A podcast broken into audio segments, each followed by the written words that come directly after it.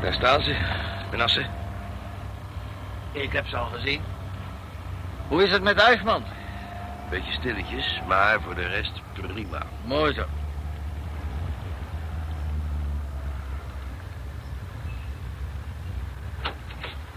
Hey, Hallo, wel? Een fijne tijd gehad in de stad, hè? Nou, de blozen. Daar hebben we Eli ook. Is die uh, totaal los? Nee hoor, dat valt best mee. Nou, eh, zet hem maar op de achterbank. Yep. Zo, zo ja. Nou jongens, tot ziens. Ja, tot ziens, hè, en doe je best. Ja. Zo, jongens. Nu rijden we naar de douane. We doen een beetje ontspannen en waarschijnlijk kunnen we, kunnen we zo doorrijden naar het busje. Daar gaan we. Alles goed achterin? Uitstekend. Vooruit, jongens, een beetje vrolijk. De douane zit zijn krantje te lezen, dus dat zal wel meevallen. Dat was niet niks gisteravond, hè. Dat was niet te geloven. Jongen, jongen, wat een begeleiding. Wat een orkest. Wat... Mag ik uw paspoorten alstublieft?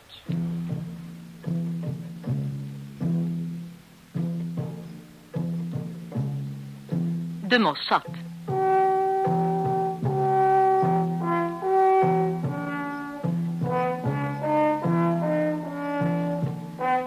Hoorspelserie naar gegevens uit het gelijknamige boek... over een spectaculaire actie van de Israëlische geheime dienst.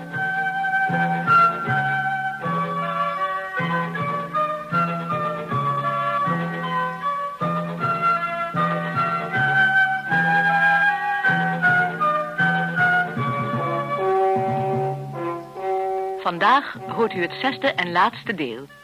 Gerechtigheid.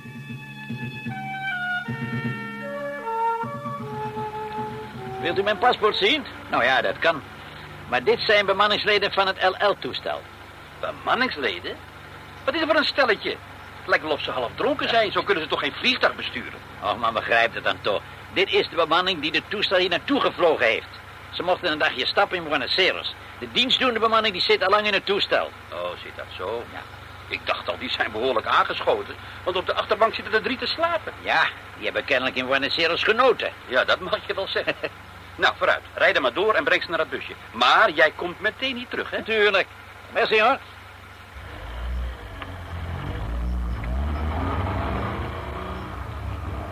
Zo, dat was een benauwd momentje. Ja, er komen misschien nog wel een paar van die benauwde momentjes. Nou, jongens. Overstap op het busje. Hoe, eh... Hoe gaat het met de patiënt? Oh, hij lijkt vrij aangeschoten, maar tussen ons in gaat het wel. We houden hem goed vast. Kom mee, makker. Zo ja. Nee, nee, op je eigen benen staan. Zo ja. Jongens, help hem even het busje in. Zo ja. Ja, allemaal erin. Waarschuw de chauffeur maar. Ga maar.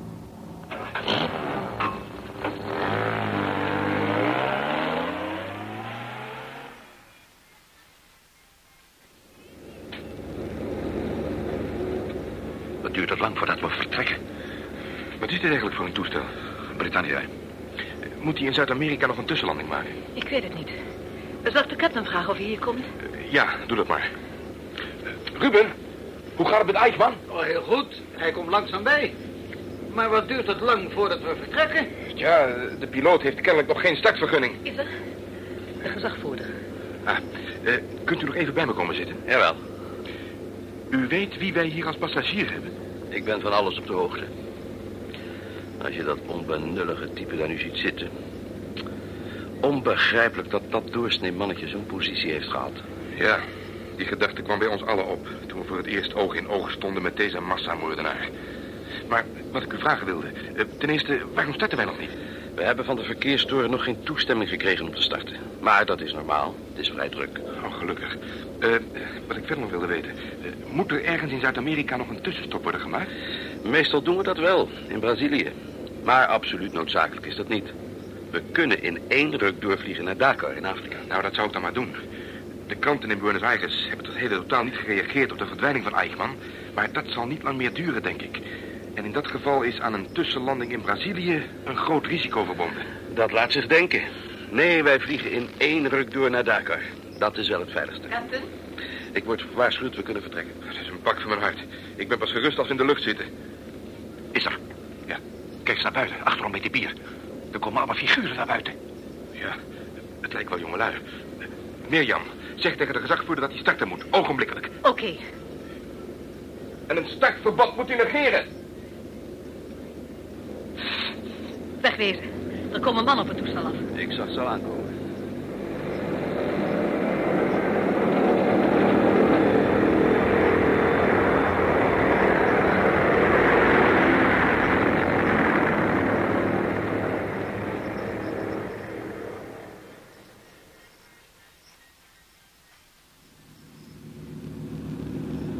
Zo, meneer Harel.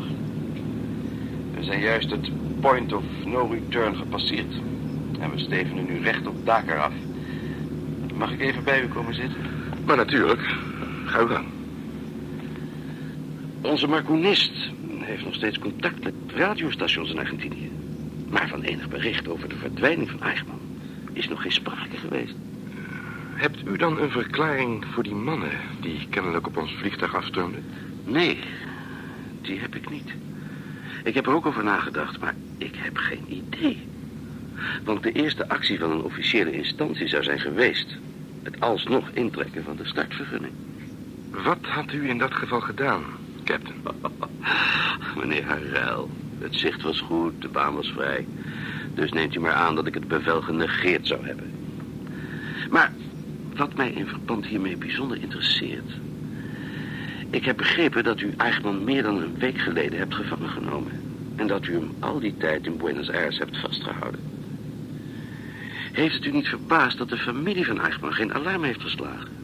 Nee, verbaasd heeft me dat niet. Hoewel we er natuurlijk wel rekening mee hebben gehouden. Wat had u gedaan als er een grote publiciteit over de verdwijning zou zijn ontstaan? Ik denk dat u een transport naar Israël via het vliegveld wel had kunnen vergeten. En zeker via een El Al-vliegtuig. Ja, dat besef ik heel goed. Dan hadden we onze toevlucht moeten nemen tot de zeevaart. Of hem op een andere manier het land uit moeten smokkelen. En in het ergste geval zouden we Eichmann hebben moeten uitleveren aan de autoriteiten in Argentinië. Maar dat zou wel onze allerlaatste stap zijn geweest. Hoor. Zou u dan niet door de Argentijnse politie zijn gearresteerd? Ik denk het wel. Maar misschien zou deze verklaring mij wat geholpen hebben. Luister. Ik, Adolf Eichmann, verklaar het volgende uit eigen vrije wil.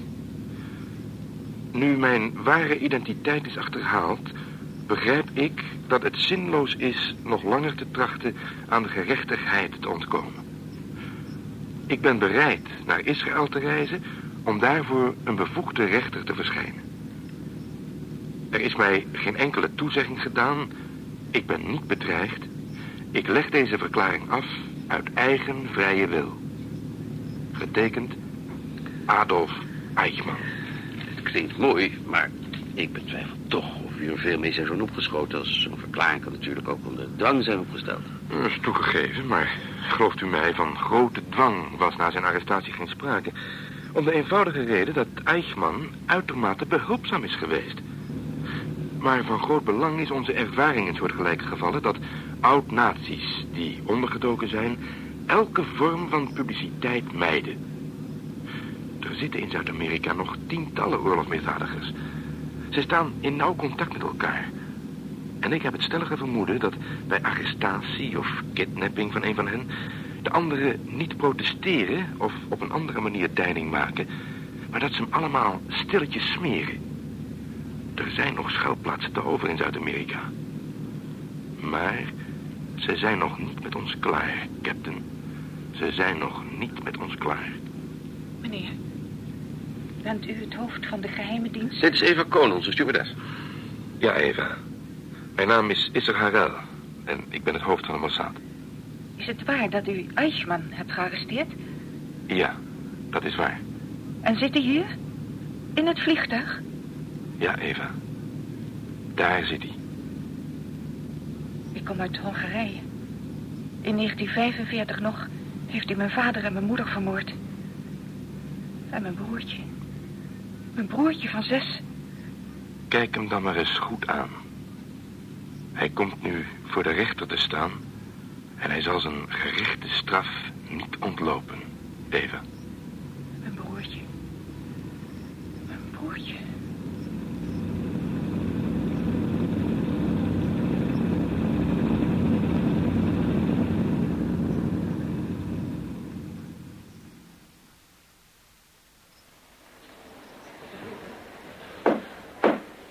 Zijn onze minister-president, David Ben Gurion.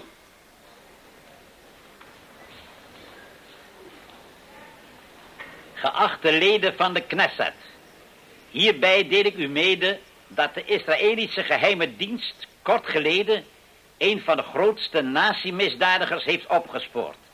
Adolf Eichmann, die samen met de nazi-leiders verantwoordelijk was voor wat zij noemden de definitieve oplossing van het jodenvraagstuk.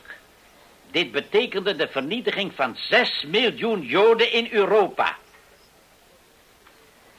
Adolf Eichmann bevindt zich thans onder arrest in Israël en zal binnenkort eveneens in Israël voor het gerecht worden gebracht.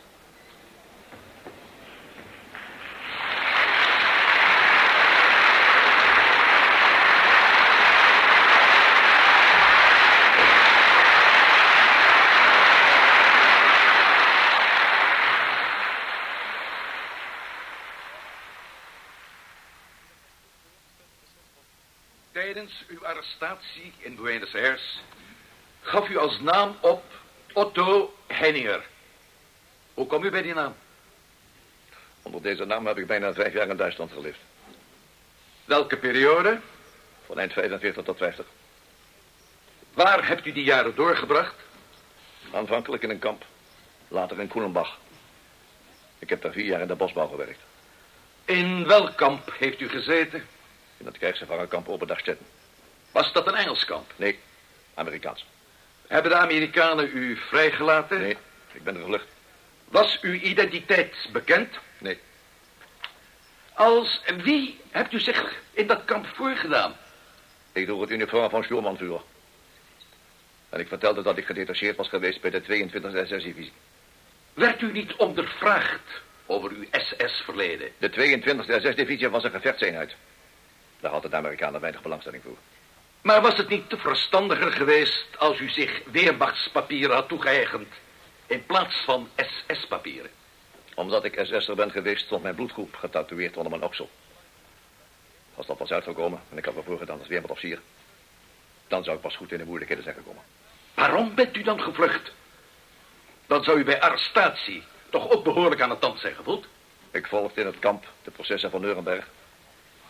Daar werd mijn naam bij herhaling genoemd en daarom verwacht ik extra zoekactie. Waar waren uw vrouw en kinderen? Die had ik vlak voor de ineenstorting in Oostenrijk gebracht. U bent toen weer naar Duitsland teruggegaan? Ja. In Oostenrijk zou ik te veel zijn opgevallen. Hoe bent u uit het interneringskamp ontsnapt? Er was daar een ontsnappingsorganisatie. Ze gaven mij papieren onder de naam Otto Henninger. En ze hielden mij ontvluchten. Onder welke naam vertoeft u in het kamp? Onder de naam Karel. Hoe lang bent u bij die bosbouw werkzaam geweest? Vier jaar. Toen had ik er genoeg van. Ik wilde mijn vrouw en kinderen zien. Hebt u al die tijd geen contact met hen gehad? Nauwelijks. Dat was te gevaarlijk. Ze wisten wel dat ik leefde, maar... ik verwachtte dat men in Oostenrijk wel achter de identiteit van mijn vrouw was gekomen. Hoe bent u tenslotte in Argentinië beland? Een organisatie heeft mij geholpen aan een adres in Genua. En Francisca de Monnik heeft me daar aan papier geholpen. En dan een visum voor Argentinië onder de naam Mercado Clement. Wanneer bent u in Buenos Aires aangekomen? In 1950. Twee jaar later liet ik mijn vrouw en kinderen overkomen. We hebben daar ongestoord geleefd. Tot aan mijn arrestatie twee maanden geleden.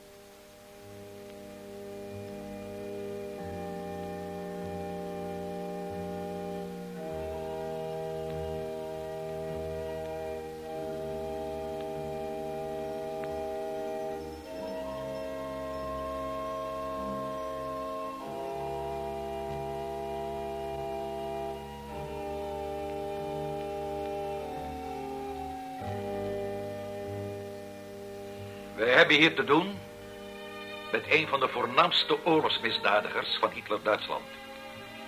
Tezamen met anderen heeft hij misdaden tegen het Joodse volk bedreven met het doel dit volk te vernietigen. Doelbewust heeft hij gestreefd naar de ten uitvoerlegging van de zogenaamde eindoplossing van het Jodenvraagstuk. Deze gedachte hield in het ter dood brengen van miljoenen Joden in speciaal daarvoor ingerichte concentratiekampen. Uit geheel Europa werden op uiterst mensoneerde omstandigheden de Joden in goederenwagens aangevoerd.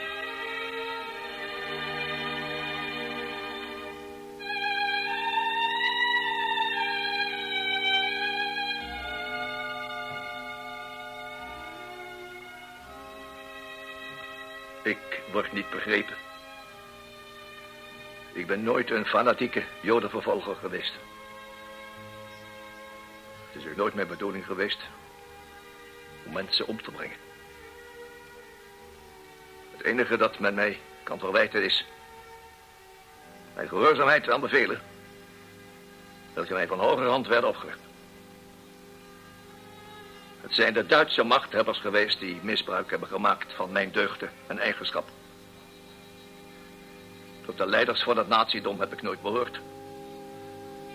Ik was veel eer een van hun slachtoffers.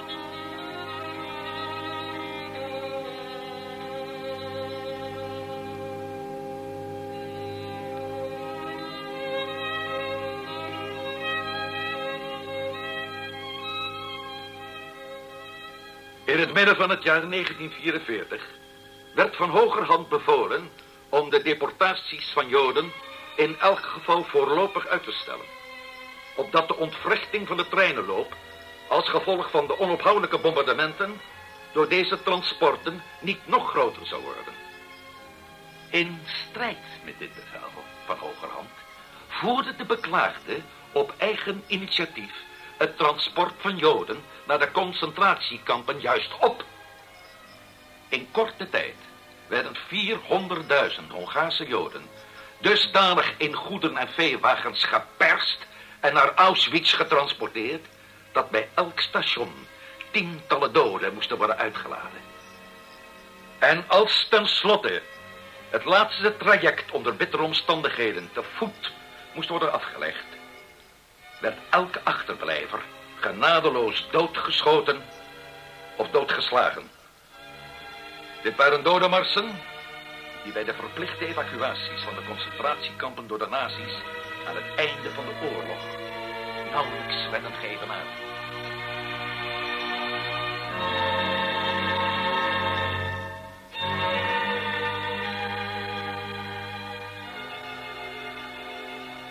Ik voel mij ten aanzien van het al lastig gelegde niet schuldig.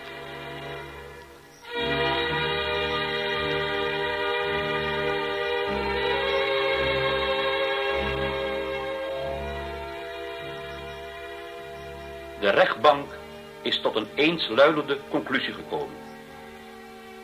Ik spreek hierbij het doodvonnis over de verdachte uit.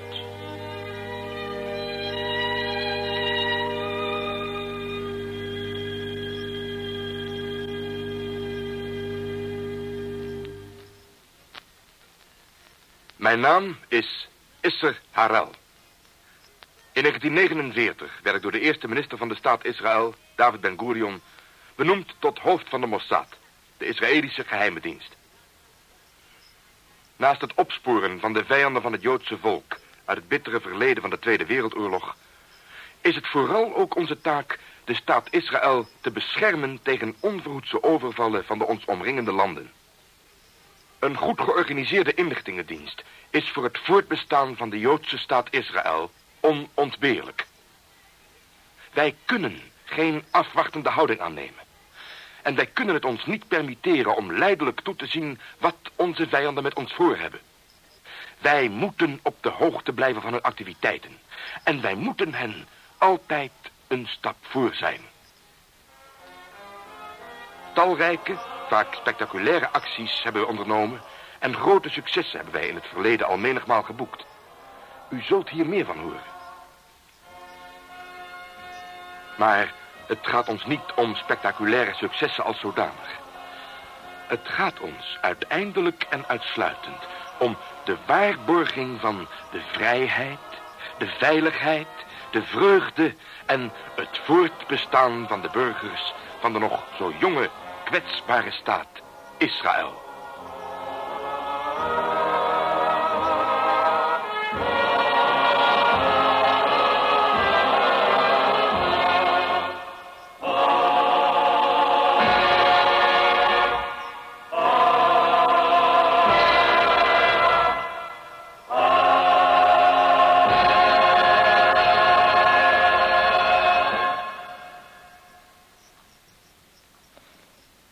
Dit zesdelig hoorspel, de Mossad, hoorde u de stemmen van Frans Vaassen, Hans Hoekman, Bert Dijkstra, Corrie van der Linden, Beb Westerduin, Kees van Ooyen, Floor Koen, Jan Barkes. En tenslotte Jan Willem ten Broeke. Bewerking en regie Friso Cox.